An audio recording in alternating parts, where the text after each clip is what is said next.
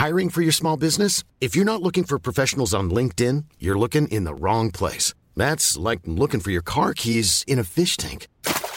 LinkedIn helps you hire professionals you can't find anywhere else, even those who aren't actively searching for a new job but might be open to the perfect role. In a given month, over 70% of LinkedIn users don't even visit other leading job sites. So start looking in the right place. With LinkedIn, you can hire professionals like a professional. Post your free job on linkedin.com slash people today.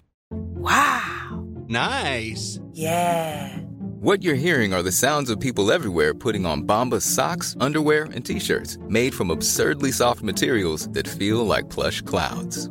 Yeah, that plush. And the best part? For every item you purchase, Bombas donates another to someone facing homelessness. Bombas. Big comfort for everyone. Go to bombas.com slash ACAST and use code ACAST for 20% off your first purchase. That's bombas.com slash ACAST. Code ACAST.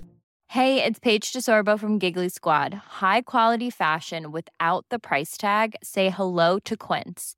I'm snagging high-end essentials like cozy cashmere sweaters, sleek leather jackets, fine jewelry, and so much more. With Quince being 50 to 80% less than similar brands.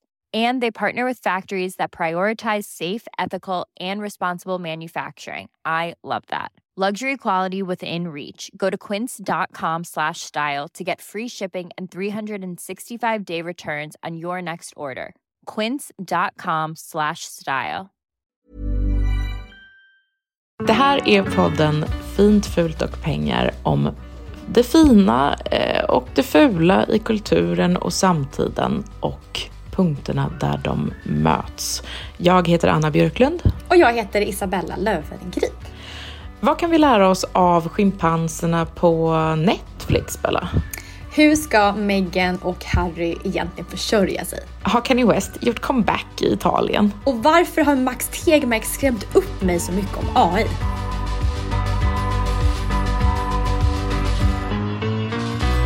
Du, eh, hur mår du? Jag mår bra. Det känns, jag är tillbaka Ja. i stan, eller på Lidingö. Och det känns som att jag sakta men säkert så går jag mot den här att man vill vara i höstens liksom mode. du men du hann, du hann till Sagerska? Du var inte så här strandad i skärgården då? Det var före Ja stormen? men va? exakt, jo men jag hann till Sag- Sagerska. Och eh, det var Ja, jättetrevligt. det kan jag tänka mig att du tyckte. Men jag var ju lite nyfiken på vilka som skulle vara där. Mm. Det var många tror jag, eh, alltså som var nyfikna. Ja, Ja. för jag fick eh, inbjudan så stod det liksom inte riktigt. Så det det stod var att någon form av liksom, eh, uppslutning inför eh, ja, med Pride där på lördagen. Eh, jag tyckte väl också att det var någon form av så historisk träff i med att eh, Ulf hängde upp den här regnbågsflaggan utanför en av balkongerna. Ja, så det var väl lite i den liksom andan som tillställningen var i. Men jag visste ju inte här, hur många klädsel, fancy nivå och gästerna. Exakt, och vad är stämningen liksom? Ska man gå dit och dricka eh, liksom ett halvt glas champagne och typ att alla är på jobbet och det är så här minglig stämning, alltså vad ska man säga så här proffsminglig? Eller är det kalas nu? Alltså det var ändå Pride liksom. Ja, ja, Ja. exakt. Så det, jag hade ju kunnat lika gärna mötas av ja, men drag queens liksom, look för att det är kul. Ja, det är Pride på ett palats och det är säkert fri bar. Det hade också, och alla där jobbade med media på något sätt. Det borde ju vara liksom um, någon, eh, hög stämning. Ja, men eh, nej, men sån stämning var det inte. Så kul ska man Nej. inte ha det. Nej. Eh, men, men jag trivdes väldigt bra och det var just, jag skulle nog säga att kanske 80-90% bestod av eh, eh, politiker, alltså för detta politiker, ministrar, eh, folk som, som jobbar i liksom staben, eh, tjänstemän. Så jag skulle snarare, det kändes kanske lite mer som en AV eh, för de som jobbar där. Plus ett antal ja, men, journalister, tv-profiler, ehm, jag. Eh, så att, så, så, men jag tyckte det var trevligt, men i och med, jag trivs ju i en sån miljö just för att mina gamla muffkompisar sitter ju i riksdagen. Så Just det, jag, just det. ehm, jag minglar ju runt och känner mig liksom att det är så här, men hej, hej, vad kul och vad roligt vi hade när vi var yngre och sådär. Ehm, men jag kan tänka mig för att en person som inte är har levt i den där lite torra politikervärlden, då upplevde man nog minglet ganska torrt tror jag. Jag tror Tone Schunnesson kallade det för en dement stämning. Men jag kan tänka mig, för hon var där och var då, vad ska man säga, eh, inte bland sina gamla muffkompisar utan kommer som eh, eh, någonting annat. Eh, jag vet inte exakt vad hon skulle representera där eller liksom. Det, det, det blir väl lite det som är så här, vad, för det, jag har sett att folk varit lite så här, varför ska, ska inte, ska inte journalisterna eh, granska dem på Sagerska? Ska de verkligen gå dit och dricka champagne och eh, liksom, är de inte tillräckligt mycket kompisar alla det där klägget redan? Ungefär så eh, har varit Mm. någras åsikt eh, om detta. Men till exempel Jonas Gardell var där. Han hade ju verkligen kritiserat statsministern innan. Just det, men nu skulle de också äta lunch i veckan, skrev Jonas Gardell i Expressen. Alltså det är väldigt... det, Ja. så, så det, det är väldigt så här... ehm, ehm, alla verkar ha... Ja, det, det, är ju, folk är ju kompisar. Alltså jag känner att Ulf Kristersson börjar bli lite som kungen. Alltså att det är, någon, att det är helt så neutralt och bara lite fint att träffa kungen. Att det liksom inte, man ser typ inte honom som en så politisk figur riktigt. Eller hur? Ja men jag förstår. Jag förstår. Ja men, men, Ja. men i en positiv bemärkelse. Ja, ja, många tycker nog att det är positivt eh, ändå faktiskt. Men, eh, men så vissa då är ju så när de ska träffa kungen också att de inte sjunger med i kungssången till exempel. Nej men exakt. Nej men väldigt, men, men eh, alltså Ulf och sen träffar jag hans fru då, eh, Birgitta och hans dotter. Det är, det är en väldigt trevlig familj. Ehm, så. Men, men jag hon hade en väldigt kul klänning på sig. Jag tycker hon är väldigt... ehm, alltså jag tror att hon, eh, hon verkar ju vara någon typ av geni. Men vadå, har du Eller hur? hittat bilder på det här någonstans? Ja. Men vadå? Nej, jag vet inte. Internet. Hon hade en klänning med hundar på sig, eller hur? ja, Ja. men alltså Ja. jag måste ju googla lite på det här. Man kanske hamnar i någon tidning här för första gången i mitt liv. Eh, nej, jag vet, ja, lite, lite flöden här och där har jag sett. Men jag träffade någon som jag pratade väldigt länge med. Det var Maria Wetterstrand. Gamla språk... Åh gud, jag älskar henne. Ja, ja jag Alltså, gör också det. Ja, alltså hon hade typ kunnat få mig att bli miljöpartist om hon hade suttit kvar. Ja, nej, jag tycker hon är så underbar. Ja. Mm, jag håller med. Jag, jag sa det till henne att ehm, hon var, kändes lite blyg. Men det kanske hon inte var. Hon kanske bara var lite, eller så är hon bara lite mer åt det introverta hållet. Mm, kan ju ha varit så. mm. Eftertänksam, hon- klok, Ja. kunnig. ja, ja. men, nej men jag, jag sa det till Maria att, eh, ja så här, jag- såklart hon vet ju om att jag inte har stöttat Miljöpartiet i valen. Men jag sa det att jag har alltid imponerats av dig Maria för att i alla debatter som jag har hört dig prata och i samtal med dels med dina liksom, eh, kollegor också så att du är den enda av Miljöpartiets språkrör som har pratat om vikten av alltså, företag. Och företagsamhet och näringsliv. Precis, hon hade en mycket mer, en mycket sundare... Liberal. Ja, precis. Alltså så här... Ja, eh, mittenpolitik när mittenpolitik är bra och inte när det bara är någon så här Ja. mesigt mellanting. Ja, nej, jag tycker hon verkar underbar. Ja. Ja, nej men så jag sa det, det jag uppskattar det med dig och det har ju verkligen sen totalt försvunnit sen hon försvann. Ja, ja. Eh, ja. Så, men hon var jättetrevlig så att vi, vi stod och pratade mycket. Så att nej, Sagerska var eh, en trevlig träff och jag ser fram emot Fem att få fem. en till inbjudan. Ja, Ja. fem av fem. Jag har ju varit sjuk och ganska mycket ensam hemma med eh, fyra barn. Och det har också varit eh, storm. Ehm, och eh, hela dagarna så, så måste man liksom göra saker när man är med barnen, för annars så slåss de bara. Liksom. Så man måste ändå, så här, det spelar ingen roll liksom, om det är så här, um, alltså man kollar på en blixtkarta och det är bara så här, en röd blob över hela Stockholms skärgård med liksom varningar om att gå ut och sånt. Utan vi måste ändå så hitta på grejer ju. Ehm, och sen så har jag också varit lite förkyld, så jag har varit så otroligt trött på kvällarna. Men då har jag hittat en... eh, jag vet inte om det är då att jag har varit lite fe- småfebrig och liksom lite slut. Men, men jag har haft en så otroligt stark kulturupplevelse som jag måste tipsa om. som är ap-tv. Ap-tv är då hjärn, hjärndöd tv. Ja. Eller? Nej, nej. Netflix-serie Chimp Empire. Alltså det är det bästa drama som Netflix någonsin producerat tror jag. alltså det är om schimpanserna i Ngogo i Uganda. Och det är typ, alltså det är verkligen så här Shakespeare-nivå. Det, det, det, för de där schimpanserna går runt i djungeln och psykar sig och eh, har intima relationer med varann och smider lömska planer och bildar olika politiska allianser och sådär. Nej, vad spännande. Det är så kul och det slår en hela, hela tiden liksom, hur det är att se, alltså det är som att se en dokumentär om människor, alltså en människogrupp Ja. som bor i djungeln. Det, alltså det, var, det var faktiskt otroligt. Och alltså så här, när, när en aphanne liksom blir aggressiv, vilket händer hela tiden, då, då påminner det en liksom om, om alla ens läskigaste stunder i livet, liksom när en man blir aggressiv. Eller så här, apmammorna när de sitter med sina ungar. Alltså det, på, det är så här exakt som jag hela dagen. det, det, ja. Nej, det, Ja, men den måste jag se. det är faktiskt verkligen, alltså det är ett tips. Och då, eh, allting är ju då med en så här dokumentär voice-over-röst hela tiden. För de, det enda de inte kan som vi kan, det är ju att prata. Så det är en sån här röst som, som, som jag hör i huvudet hela tiden. Och när jag kollat på det där, liksom sträckkollat på det, så nu har jag börjat tänka med den där voice-over-rösten. Alltså så att när mina barn är sura så här, så har jag jag tänka med så här A life in the jungle can be frustrating for the young.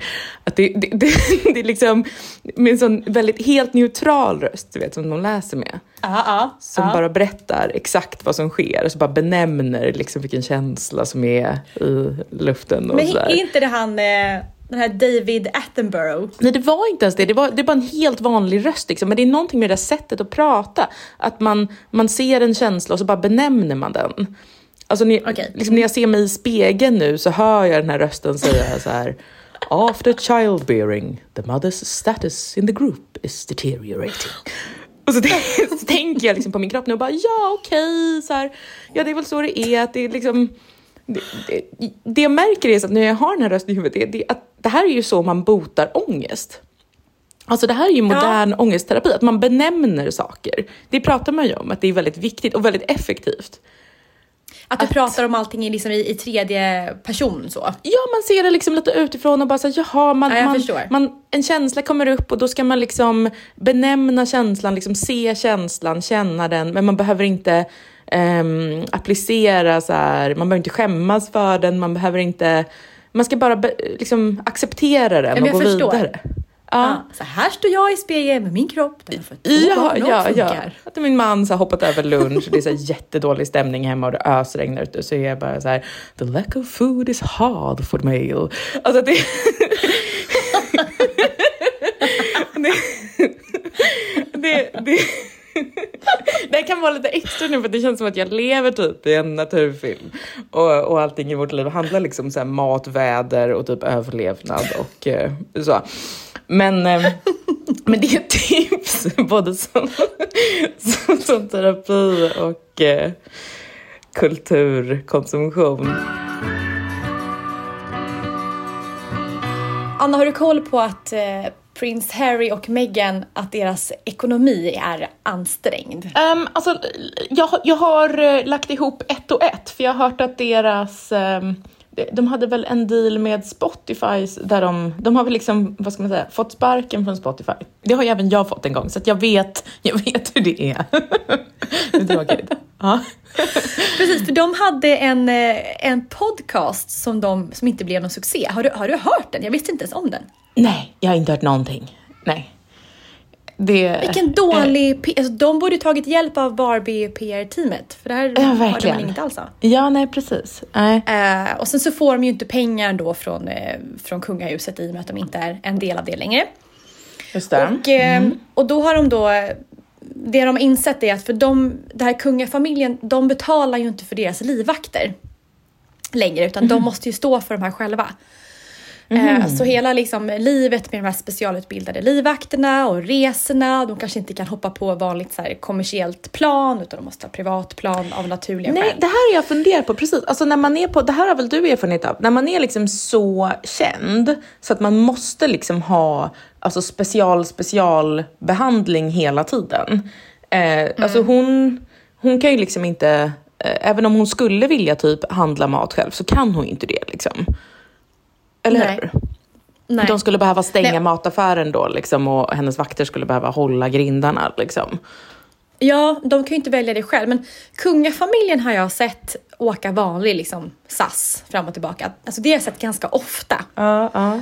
För då, då spärrar de av platsen, eller spärrar av, de, eh, de platserna längst fram har de alltid, så då kliver de på alla, alltså på planet sen när alla andra redan satt sig.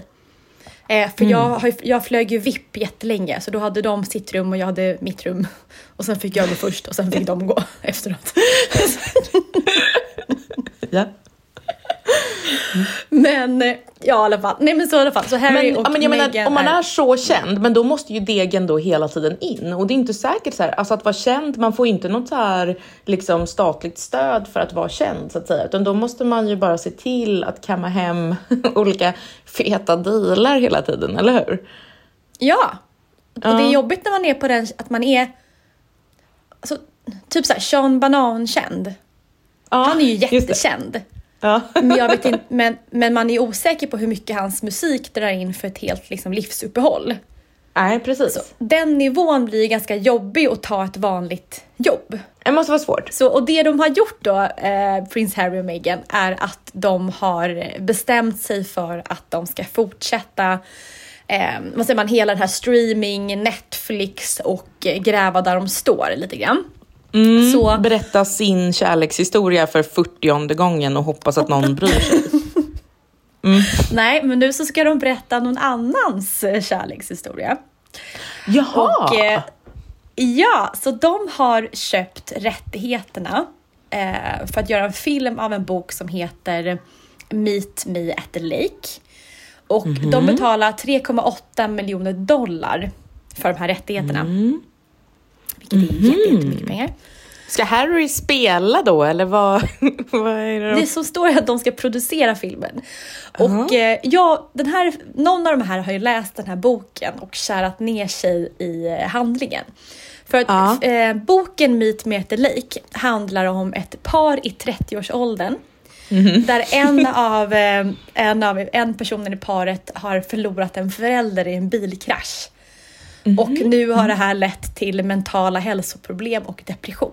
Men alltså, jag, på ett sätt förstår jag så här, alltså de har ju, eh, alltså sen de träffades så, de vet ju hur man producerar en kärlekshistoria, för det har de ju gjort väldigt, eh, i alla fall en av dem väldigt medvetet. Jag tänker på det här när liksom, de nyss hade träffats och Meghan låtsades att hon behövde gå ut och köpa blommor, som att prinsen köper sina egna blommor annars.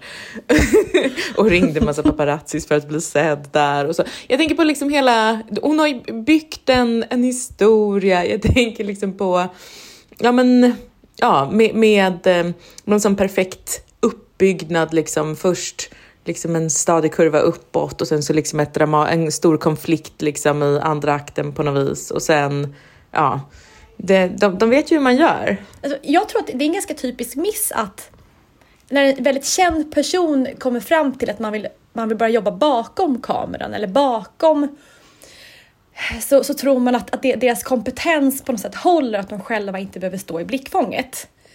Men jag tror många gör fel där att intresset finns bara för att det är de som befinner sig i ljuset, inte att texten är, är skrivet av dem. Jag tror, att den är, jag tror att den är svårare än vad man, vad man tror. Men, men det ska bli alltså- spännande i alla fall och följa den här. Ja, i, i tv-produktionssammanhang så vet jag att då pratar man om, eh, de har ett begrepp för det som är att ha framför-drömmar. Som är liksom, alltså människor som jobbar då med kanske att skriva manus klassiskt eller liksom jobba bakom kameran på något sätt. Eh, att om de har framför-drömmar, alltså drömmar om att vara framför kameran, så är det liksom inte så bra. alltså för då... det, det, det, det är precis som att det sägs att en perfekt PR-person ska ju helst inte vilja synas själv alls. Alltså, Nej. Eller så. Exakt. Mm. Eh, men det här är ju då väldigt, alltså människor som är framför, framför, framför, framför alla kameror i hela världen, men har liksom bakom drömmar. Alltså de, ja. de drömmer om att vara de här bara smarta typerna som står bakom och, och ja, jag vet inte, lyfter en lön men kanske inte är några megastjärnor. det, ja. ja. men precis. Men, och många av de här som, som ska gå och bli bakåtstjärnorna istället, som till exempel Bradley Cooper som bestämde sig för att han ska börja producera film. De Just lockas det. ju ändå av rampljuset så att de brukar ofta sätta sig själv i en av rollerna ändå.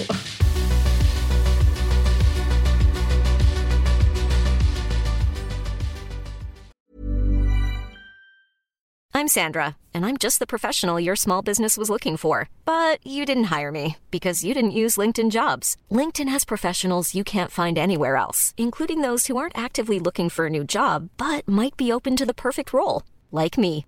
In a given month, over 70% of LinkedIn users don't visit other leading job sites. So if you're not looking on LinkedIn, you'll miss out on great candidates like Sandra. Start hiring professionals like a professional. Post your free job on linkedin.com/people today.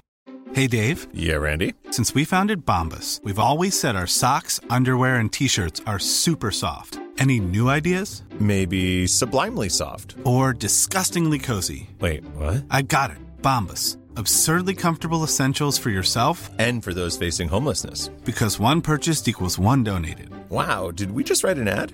Yes. Bombas. Big comfort for everyone. Go to bombas.com slash ACAST and use code ACAST for 20% off your first purchase. Hey, it's Paige DeSorbo from Giggly Squad. High quality fashion without the price tag? Say hello to Quince. I'm snagging high end essentials like cozy cashmere sweaters, sleek leather jackets, fine jewelry, and so much more. With Quince being 50 to 80% less than similar brands and they partner with factories that prioritize safe ethical and responsible manufacturing. I love that. Luxury quality within reach. Go to quince.com slash style to get free shipping and 365 day returns on your next order. quince.com slash style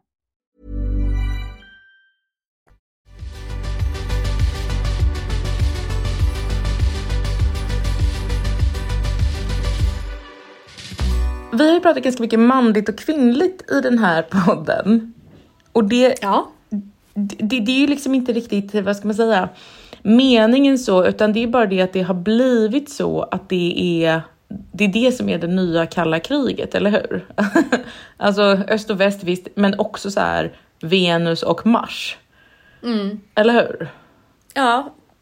ja. Så vi har pratat om liksom att um, unga män och kvinnor, de typ röstar olika, de, de säger att de står jätteolika i, i så värderingsfrågor, de, de konsumerar olika, beter sig, alltså tittar på olika grejer, lever helt separata liv typ. Och sen så ska de på något sätt mötas och bli ihop och så är det kanske svårt då på olika sätt. Men de, ja. ja, men jag välkomnar ju att man, att man ser det på det här sättet, att, det är, att vi är manligt och kvinnligt. För förut har man inte ens fått säga de orden högt. Så jag, Nej precis. Så jag, ja, är det, det, är, det är ja. olika.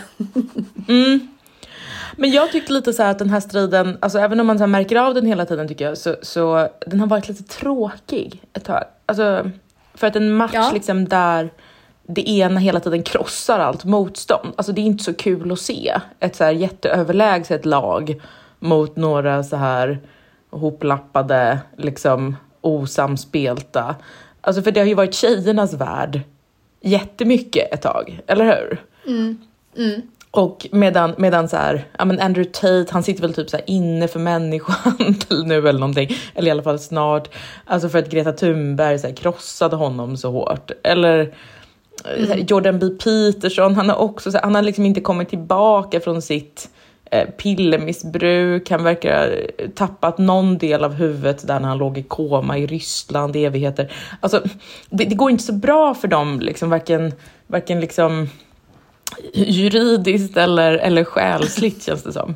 Medan tjejerna Nej. liksom kammar hem så poäng på poäng på något vis. Ja men det är ju så. Eller hur? Ja. Men nu har jag lite nyheter i, i, i, det här, i den här krigsrapporteringen. Um, jag skulle säga att liksom plan... Vad, säger, jag kan inga sportmetaforer, förlåt. Planen har ritats om. Kanye West är i alla fall lite tillbaka.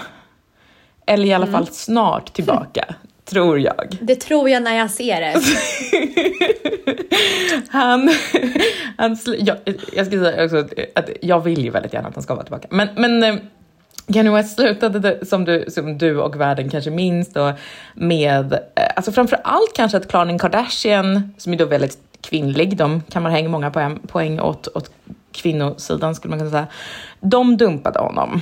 Eh, och modvärlden som också är väldigt kvinnlig dumpade honom. Och, och kanske lite musikindustrin också, eller han slutade vara på Spotify ett tag. Han håller på att bråka med alla.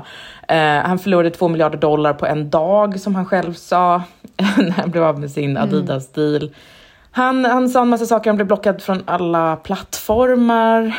Men nu har det liksom gått typ ett år snart och Ice Cube säger att han mår jättebra.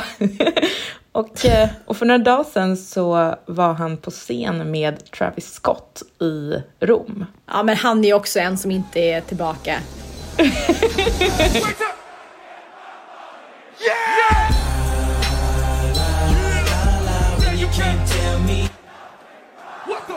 Jag fick lite gåshud. I den här, på den här i alla fall, den här killstadion eh, på eh, killartisternas sida eh, så är Kanye tillbaka. Kändes det som, eller hur? Men var det bara killar i publiken? vet inte, det var filmat ovanifrån och det var mörkt. men, de, men som det lät på hur de sjöng med och så, så var det mycket killar i publiken. Och eh, Travis Scott är ju, ska man komma ihåg, också dumpad av Kardashian-klanen för inte så länge sedan. Och kanske då också utsatt för eh, liksom allt eh, är förtal och tryck från Kris Jenner och hennes tjejmaffia. Kanye, jag tror inte alls att han är på vägen. Han hade bara tur på den där spelningen. Men Travis Scott är ändå, alltså vad ska man säga, han är ju väldigt... Alltså han kanske inte är den största radioartisten, men han har ändå eh, liksom en eller ett par låtar på den här liksom, mest spelade hundra låtarna de senaste tio åren. Och sånt där. Alltså han, han är ändå en, en mega, mega stjärna. Och också någon som folk bryr sig om. Liksom. Alltså ingen bryr sig om vad så Ed Sheeran säger om någon, någonting. Nej, det är alltså, sant. Nej, det är sant. alltså det, han är en god glad kille på radio, men, men vem bryr sig ungefär? Men, men, ehm, men, men däremot så, det här kändes som någonting och det var också att de sjöng den här låten att ingen kan liksom säga åt dem. Att det var så lite trotsigt liksom. Att, att eh, ehm, de här brudarna liksom ska inte tro. Kanye West blev också eh, för ett litet tag sedan bara avblockerad från Twitter, killplattformen. Mm. Eller han har varit det lite fram och tillbaka, men det är liksom stämningen i alla fall att han är inte cancelled för evigt, det är inte det som är grejen, utan det är mer typ att han och Elon Musk tjafsar lite sinsemellan. Nej men just, nej men och det är det, man kan aldrig nästan bli cancellad för alltid. För att ju, ju, alltså, ju mer du blir cancellad, alltså med hårdare kraft och hårdare spark ur från värmen, desto, alltså, alltså, desto större grupp av människor finns som blir arga åt ens vägnar. Som, Precis. och som sen skapar den här känslan av att personen är en underdog eh, och bara väntar på att den här personen ska kunna komma tillbaka. Ja, Eh, exakt. Så Kanye, Ja. han sitter ju han sitter ju i en väldigt bra position nu på det sättet. Verkligen. Han har ju en ja. stor skock fans som vill ha honom tillbaka. Precis som han, alltså vi, det finns, finns ju liksom en generation, alltså jag känner att jag är så himla himla mycket uppvuxen med Kanye. Alltså att det var liksom Ja. en av de första så, liksom, um, hiphopartister, liksom R&B-artister som, som jag gillade på riktigt på det sättet. Liksom. Och lyssnade på så mycket. Och sen när han liksom gifte sig med, med, med Kim Kardashian och de, deras resa liksom, mot världsherravälde tillsammans, alltså var det så många som följde. Ja. Nu, och nu liksom efterspelet har ju varit, eftersom han då liksom lite bara försvann så liksom, eh, så har hela världen då kollat på, eller alla vi kollat på när, när Kim då förklarat sin sida, eh, som var att ja, men problemet var att han blev galen. Och det är allt vi har fått egentligen. Liksom. Ja. Ehm, Nej men jag har också, nej men jag har rätt, man har vuxit upp honom. Det var likadant, ja, du vet när, när Linje Lusta gick ja. på Dramaten. Då, då finns det ju en scen där hans låt Runway spelas. Ja, fy fan vad jag grät då. ja, ja. Ja, det grät, då grät jag för det var den jobbigaste scenen i eh, Linje Den Lusta. om att alla Men- killar är sämst liksom. Alltså det, ja. men, men det var nästan det jag tog med mig av Linje Lusta mest. Alltså att jag spelade Runaway så himla många gånger Mm, veckorna efter. Men också där att, att, eh, att han blev galen då. Eh, han själv säger nu att han, att han egentligen var utmattad, vilket jag säkert kan tro att han var. Ehm, Ja. Utmattad och fick en bipolär diagnos. Är inte det en historia vi känner till, eller hur? Mm, och, ehm, eh, och det där med att, att, att man gör slut med någon och sen berättar för alla att den personen, det som hände var att den personen blev galen. Alltså, inte det så som så här, män har gjort i, om sina ex i typ århundraden. Att man säger så här, nej men hon, hon är liksom en galen subba. Eh, men så egentligen är det att han har typ drivit henne till vansinne. Det är det jag tar med mig från... Ja, och då blir hon uträknad ur kompisgänget för att hon är galen. Ja, men precis. Ja, alltså, den, exakt. man, Det- den storyn har man hört ganska många gånger. Eller hur? Man har ändå det. Ja. Mm. Jag är liksom på ganska gott humör. För, dels för att Kanye gör då så att det här liksom, kriget blir lite intressant igen. Alltså han, och han gör ju det för att han är bättre än många andra. Alltså inte bara som musiker men också så här men jag har sett massa nu på, på internet liksom säger att, eh, att han har klätt ut sin nya tjej till Kim Kardashian. det är liksom en historia som många um, köper. Men då glömmer de så här att det var Kanye som skapade hennes stil. Alltså det som gör att Kim är Kim, den hon är nu, liksom, det är ju att alltså, de blev ihop på hans första modevisning i Paris. Och eh, hon och han eh, byggde det tillsammans, där han liksom var kreatören och hon var eh, liksom dockan han klädde på ganska mycket. Och, och nu så eh, satt hon i tv nyss i några så här hemska svarta häxnaglar. Och jag hade precis läst att, att eh, Kanye hade sålt sina andelar i Skims, då, hennes eh, klädmärke. Och då tänkte jag så här, ja men ett, kanske bra sålt av honom och också två så här, det där skulle han aldrig, det där skulle inte hänt under hans tid, att hon satte såna eh, spetsiga naglar och såg liksom lite off ut. Ehm, medan samtidigt som Kanye då gick runt i Japan med mm, t-shirtar med jättestora axelvaddar som det stod Polizei på, som jag tyckte var väldigt coola. och, eh, och det kändes som att han har liksom, ja, men på väg till nästa steg. Hon kanske håller på att backa till någon så här, ja men, ja, att inte ha den rollen i kulturen som hon ändå har haft nu i ett decennium. Liksom. Nu har jag liksom suttit och grävt lite det här, eh, också på, på nätterna när jag ammar typ, och hittat så här klipp när Kanye West står och skriker på en scen. Alltså, Do I got the vision, Mark Zuckerberg? Och jag känner bara så här, ja, alltså du har the vision. Du, jag litar liksom på att Kanye kommer att hitta på någonting fett igen. Men det är nog typiskt för alla geniförklarade elaka män kan Ja. alltid liksom komma tillbaka för att alltså som man kan du vara hur vidrig som helst men är du ett geni så så, så, så, så, liksom, så glider du igenom allt skit du har gjort ändå. Ja men kanske, men det är också så här, jag undrar hur vidrig han har varit. Ehm, för det är också roligt, i den låten då som de spelade, han och Travis i Rom, så eh, han sjunger ju liksom att han, att han inte kommer hamna i helvetet. eh, eh, och så har han en, någon så här rolig ordvits på det, för att han liksom inte är han är inte ond, han är lite stökig och han är liksom världens jobbigaste människa. Alltså jag kan verkligen tänka mig att det var absolut pissjobbigt att vara gift med honom till exempel. Men, men att det ändå är så här, vad ska man säga? Alltså vår tids största konstnär och det går typ inte att komma ifrån. Jag, jag skriver inte under på det. Så mycket, så mycket gillar jag inte honom. Inte Nej, vår tids största konstnär eller mot ett presidentskap. Fast vem skulle det vara en bra, annars? En väldigt bra nästa skiva, det kan jag ge honom. Mhm, mm. Han har ju också sagt att han tycker att vår tids största konstform inte är musiken, utan eh, han tycker att det är hur man får det kommersiella och det konstnärligt intressanta att samarbeta. Och det håller jag helt med om. Visst det, Mm, det är, sant. är det så? Okej då. Ja. Ja, men och det var kan vara så att han är sagt. galen, eller i alla fall har varit galen. Men, men och då, ja, ja, då får jag väl... Vi, vi får se. Det är i alla fall lite spännande igen. Mark Zuckerberg, you Do I got the vision, Mark Zuckerberg? Känner du till en film som heter Paradise? Eh, nej. Och det är en eh, tysk film.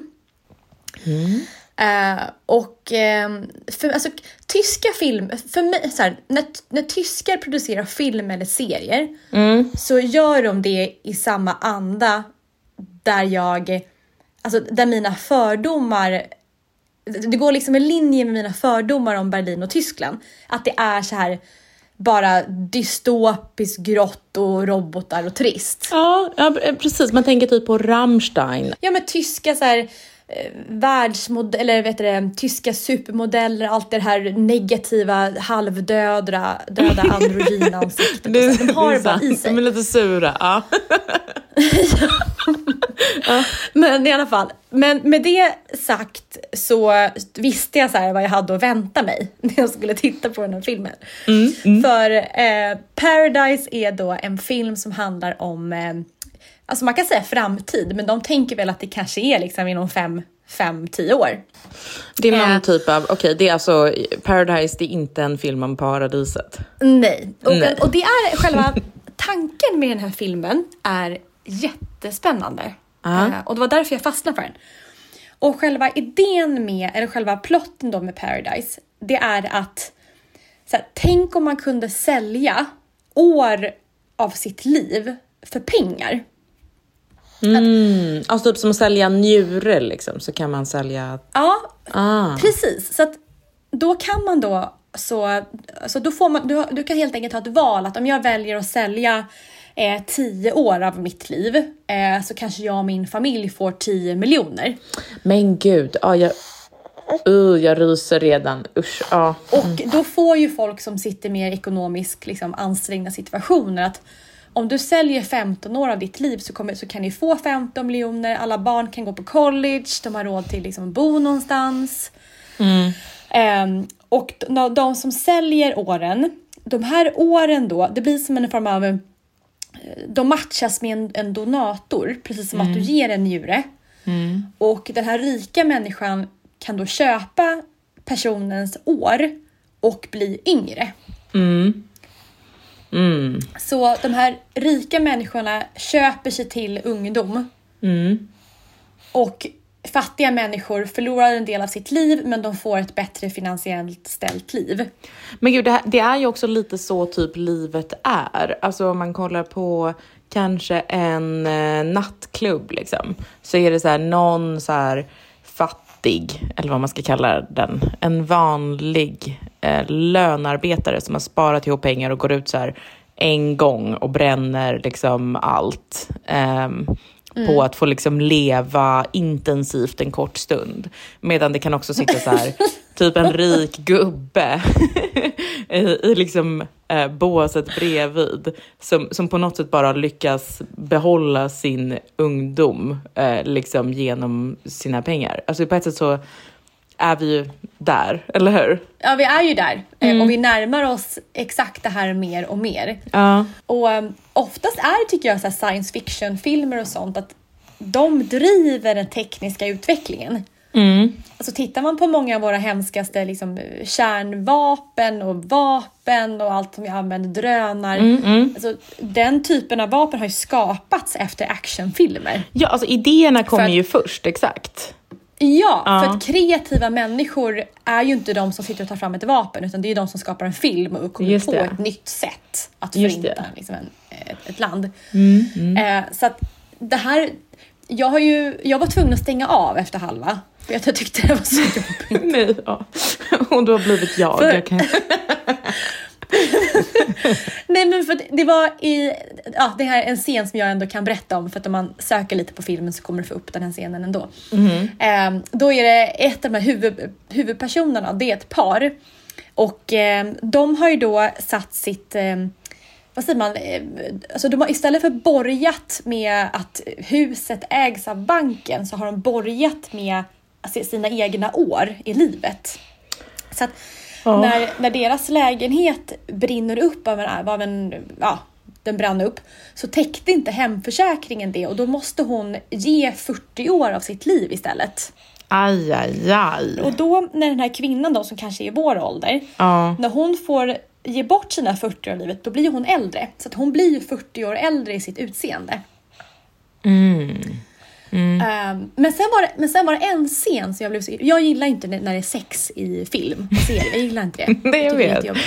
Nej, alltså jag, jag håller egentligen med dig, men det är roligt att du eh, säger det högt så. Ja. Nej, och då var det en scen. Det var en scen i början när hon var i den här huvudrollen då, jag- när hon var i, vår ålder då. ja. Och då går hennes man ner på henne. Och han, han gör det, det, scenen är alldeles för lång. Och det är liksom för mycket. Det, det, det blir jobbigt med den här långa... Men det är så modern scenen. tv är, alltså det är ju så himla gory liksom hela tiden. De, allt våld är så överdrivet, allt sex är så överdrivet. Um, ah, ah. Exakt. Men sen inser jag ju varför de ska göra den här scenen så lång. Och det är för att sen så ska de ju koppla på att när hon blir 40 år äldre och blir liksom 70, då ska hennes unga man gå ner på henne igen och han ska visa henne att, jag är, att så här, det spelar ingen roll, det här är riktig kärlek oavsett om du är liksom 30 eller 70. Ah. Så det blev liksom ett sådär ett kärleksstatement. Så jag har hamnat i, en, i ett stadie just nu där jag har gått från att vara så här superpeppad på AI och framtid och teknik och allting Mm. så har jag börjat skaka lite grann i min syn på framtiden. Ja, jag förstår. Allt är Max Tegmarks fel. Alltså allt. Aha! Alltså hans sommarprat, eller? Ja! Är det Ja, sant? för jag, lys- Nej, men för jag lyssnade på hans prat precis Mm. när det kom ut och det här var, jag skulle berättat om det här i vårt förra poddavsnitt men då spelade vi inte in någon. Nej, förlåt, det var mitt För fel. jag har Mm. alltid, nej men för Max Tegmark är verkligen en person som jag har sett upp till alla år och jag vet att han är en av de här mest, alltså en av de AI-forskarna i världen som är mest anti-AI. Alltså jag, jag vet om att Ja. det är så. Ja, alltså vad ska man säga mest- om honom? Alltså att han, äh, jag har inte riktigt så här, jag vet att han är liksom en svensk matematiker som är så här världskänd, alltså hur känd en matematiker nu blir liksom. Ehm, men, men, eh, och jag vet att han, alltså han är någon slags eh, Stephen Hawking minus eh, sjukdomarna, så att han är inte lika, ingen vet hur han ser ut typ i Sverige, eller hur? Ehm, men han är, Ja. han är ändå en ganska big deal. Eh, men jag är för dum för att avgöra vad som gör att man är en big deal i matematikervärlden faktiskt. Men ja. Men han är typ matematiker och filosof liksom. Han har också massa åsikter om människors liv och sånt där. Jag vet inte vad exakt de är, men Ja, det Ja. har han. För han, precis, för att han, idag är han, jag tror att han är fysiker i grund och botten. fysiker kanske. Mm. Eh, Men han, han startar en organisation som heter Future of Life Institute. Mm. Och det är en, eh, en organisation som handlar om hur man skyddar världen mot AI och tar upp etiska dilemman med AI. Mm, mm, mm. Eh, och eh, jag har som sagt alltid uppskattat hans oro men ändå tänkt så här, ja ja, det är bara Ja. bra grejer som väntar med AI. Ja. Eh, men i hans sommarprat, då berättar han, han är 50-60 år Mm. och han säger det att ja, men jag kanske har så här 30, 40, ja, men, ja, men 40 år kvar, så här, jag lever länge. Mm. Och, eh, och då säger han så här, men, men jag är inte så rädd för att dö för att den dagen jag dör, då kommer vi nog alla dö. Nämen. Ja. Och det här är ju inget kul att höra. Men, och då håller han ett helt snack om, i ett helt sommarprat om varför vi alla kommer dö när han dör. Kan man inte skydda sig på något sätt? Eller liksom, vad är, finns det någon poäng med, varför, varför vill AI döda oss? Jag fattar faktiskt inte det här. Vill den döda oss? Vad är, och, och i så fall varför? Den kanske kommer sabba så att vi inte kan använda datorer igen. Eller liksom att vi, inte måste, att vi måste frånkoppla oss. Den tar över den delen av världen. Men resten? Kommer Ja, vi- alltså, han, han, la upp, han la upp lite olika så här, scenarion är så här, varför AI kommer att döda oss. Ja. och eh, och eh, det, alltså en grej till exempel som man kallar för AI-konkurrens. Mm. Och då är det att företag kommer att inse att den bästa vdn för ett bolag, alltså den möjliga bästa vdn som ett, ett bolag kan ha, inte kommer vara en människa. För en AI behöver liksom inte sova, den kan ta beslut hela tiden, den behöver inte ha Mm. semester och sjuka barn och bla bla bla. Så. Mm. Den är billigare och alltihopa. Mm. Så att då kommer man, så att de flesta bolag då kommer av ekonomiska och strategiska skäl inte ha en fysisk köttklump på vd-positionen. Ja. Och, eh, så att då sätter man fler och fler viktiga poster i världen eh, på en person, alltså en, en inte en människa som har den positionen. Mm. Mm. Eh, och då börjar vi människor börja gå i AIs ärenden. Mm. Men han säger i alla fall att, som att det här Open AI till exempel, han säger som att det är bättre att ge alla ett maskinvapen var på jorden än att ge dem tillgång till liksom öppen AI. Eh, så att ja, man får nästan lyssna på den. Men, men jag som har varit så extremt positiv, så det är positivt att jag och Paul vi tjafsar hemma för att han tycker att jag är korkad som inte ser farorna. Hmm. Nu har jag blivit mer Jag förstår. Jag lyssnade på en... ehm, ehm, jag har alltid undrat så här, vad um, psykoanalytikerna tycker om AI. de brukar ju liksom hitta på någonting annat. Eh, Eller liksom de har lite annan ingång än de flesta andra.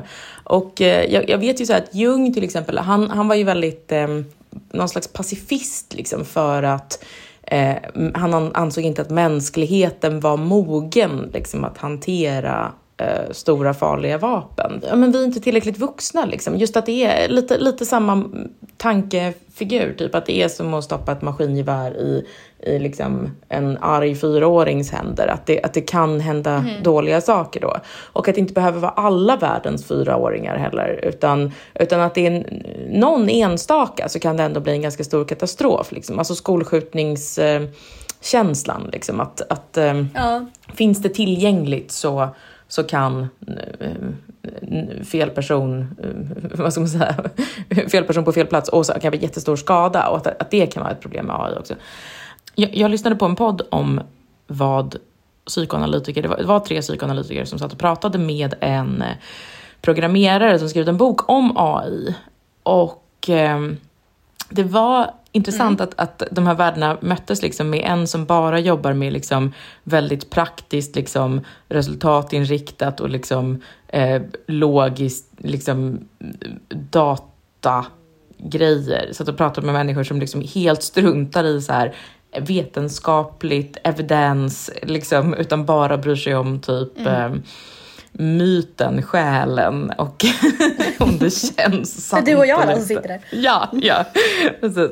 Ehm, och, och de är ju liksom, alltså de är precis som religiösa psykoanalytiker. Alltså för de, de, de är ju mer intresserade av själen än av att det blir svarta siffror i slutet på raden. Liksom. Alltså så what Ja, om. AI tar någons jobb? Alltså datorn har ingen själ, så det är liksom inte så spännande. Utan frågan är vad som händer med människorna. Eh, och, och det de sa om det, det är så här, en av dem beskrev AI som, eh, och vad, de, vad AI representerar för människor och vad det liksom representerar i debatten. Eh, att han sa att den här tekniken är som en mamma. Och det är ju då sagt som psykoanalytiker, så de är ju roliga liksom att allting handlar ändå om, om ens föräldrar och vad de gjorde. Och han, men han sa att så mamman är två saker. Alltså mamman kan vara den som ta- tar bort alla problem, löser alla grejer, tar bort all smärta, eh, gör oss trygga, gör så vi aldrig ska ha det jobbigt igen. Eh, alltså den här Mm. fantasin om liksom att eh, eh, om jag blev så här rik, då skulle jag ha någon som skötte allting åt mig och jag skulle aldrig behöva lösa ett finger. Och så. Alltså det är ju en dröm om att bli barn igen på något sätt och ha en sån mamma som Ja. bara fixar allt. Ja. Och det är ju lite så man pratar om AI också, sa han. Och det tyckte jag verkligen stämde. Alltså, ehm, kanske som du låtit förr då lite grann att så här, nej men alltså AI kommer bara ta bort alla tråkiga jobbiga saker, hjälpa oss liksom. För så, alltså, Exakt. Ja, att det, det är liksom, den fyller rollen som mamman eller så här, någon slags modersarketyp typ. Men så sa han också då att på det andra sättet man pratar om modersfiguren, Eh, för det ska man ju komma ihåg att även så här Max Tegmark, även så här matematiker, fysiker och liksom programmerare, de har ju också en psykologi. Och det kan, ju- de är ju också liksom sårbara, som människor då med en själ, är ju sårbara för den typen av, eh, alltså alla de har ju också haft en mamma. Alla de har ju också den typen av eh, bakgrund att ändå, som kan driva dem till saker. Och jag tänker så här, alltså den andra delen av modersfiguren, det är ju den modern som har liksom all makt över oss, den modern som kan krossa oss om den vill, som förstår allt vi förstår fast bättre, som kan liksom förgöra oss, kväva oss och sådär. Och det är ju så man också pratar om AI. Eller hur? Alltså Ja. som den som kan komma Verkligen. in. Så att han tyckte liksom att det här var, det här var att he, hela diskussionen om AI är att människor borde hantera sina komplex med sina mammor. Eh, Då kommer vi lite till det här att jag är så här pro AI och det är att om, om vi utgår från det du nyss har sagt, det är att förut när vi var jägare och samlare så la vi extremt mycket tid på att hitta mat hela tiden. Det var det enda vi gjorde. Och idag så har vi, tar har vi tagit bort den problematiken och vi kan gå in på ICA istället. sant. Eh, där har vi gjort någonting som, som de eh, psykoterapeuterna borde ju sagt att så här, men vänta här, nu, nu tog vi bort de här jobbiga sakerna i vardagen. Och, det, och det, det kommer ju nya saker hela tiden. Alltså tar man bort det som är nutidens, eh, liksom det som, som tynger, det som är jobbigt och gå runt och konka på grejer och göra saker. Så kommer det komma nya i framtiden. Sen är frågan om de nya eh, vardagsproblemen är, får oss må ännu sämre psykiskt. Ja, precis. De skulle nog kunna säga att det är bättre att typ, eller det kan vara mer så här utveck- eller vad ska man säga, att man behöver möta sitt skuggjag mer om man sitter och ser ett djur i ögonen samtidigt som man har ihjäl det.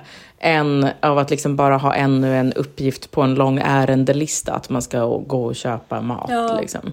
Människan mår alltid som sämst när vi hamnar stilla hemma typ vid ett skrivbord då vi inte rör oss. Vi, vi tittar bara på en skärm och äter saker. Alltså, alltså, och så fort man plockar ut oss människor ute i naturen med få saker, eh, inte äta lika mycket saker, skitgrejer, köper saker, då, helt- då plötsligt så blir vi liksom, så mår vi superbra. Ja, precis. Alltså, det, det, är inte du ett så här jättebra exempel på det? Ja, det känns som att du mår så himla bra nu när du bara var, liksom varit på en ö och typ så här hört vågorna slå Ja. in en hel sommar. Eller hur? Nej, men det var det som, nej, men, för, exakt, för när jag och Paul, när vi satt där i vedbastun vid, vid havet, då säger Ja. Paul så här, det här är det lyxigaste som finns i livet. Ja, han har helt rätt. Och det är verkligen att ha en bastu som är eldad på ved så att Ja. man får den här doften och sprakande ljudet. Man ser vågorna Ja. framför, man har möjlighet att hoppa i när man vill och sätta sig i värmen igen. Han har rätt i det. Ja. Jag kan inte komma på en mer lyxig alltså, upplevelse i, min vardag. Nej, alltså, jag, nej jag, håller, jag håller verkligen med. Alltså, det, det är faktiskt... ehm, det, det är lite som samma känsla jag hade när jag kollade på Chimp Empire. alltså att det, det är ju också faktiskt ångestminskande att vara utsatt för um, någon slags så här naturtillstånd. Det är det. Inte för att jag riktigt önskar det för att det är så här varje gång man säger sånt så kommer ju någon och bara säger jaha, men skulle du inte vilja ha modern tandvård? Skulle du inte vilja att dina barn kunde få opereras om de behövde det? Eller så jo, jo, det är klart jag vill och det är därför vi är där vi är, för att de, de vinsterna liksom är så... ehm, de argumenten vinner ju på ett sätt, men egentligen rent psykologiskt så... Ja, Men då är vet frågan är, är. för om man hade sagt så här till framtiden att, att om AI tar bort alla våra eh, laster, allting som är tungt att bära och slita och sånt eh, och får Mm. oss människor att komma mer ut i naturen. Att vi alla människor får mer tid Mm. över att vistas mer i naturen och leva det här så kallade enkla livet. Enklare. Just det. Eh, att, att skulle det vara så så kommer AI vara väldigt positiv för oss. Men jag har väldigt svårt att se att får vi den tiden ledig, att vi, den, att vi gör det valet, att vi går ut i Att det är det folk kommer göra. Ja, exakt. Nej, Då, men jag vet. då kommer vi hamna hemma med ännu större skärmar, ännu mer saker att köpa och ännu mer grejer att snacksa på. Det blir liksom inget bra. Vi är så Jag dumma. Vet, jag vet. Ja du, var det här fint fyllt av pengar? Ja, det var det. Och ehm, Ja. ni kan höra oss varje torsdag. Det tycker jag är väldigt bra. Nästan varje torsdag. Eller nej, vad säger väl? Det är väl varje torsdag, Anna? Vi har missat en. En. Annars kör vi varje torsdag. En. Så ni kan lyssna på oss nästa vecka. Hej då!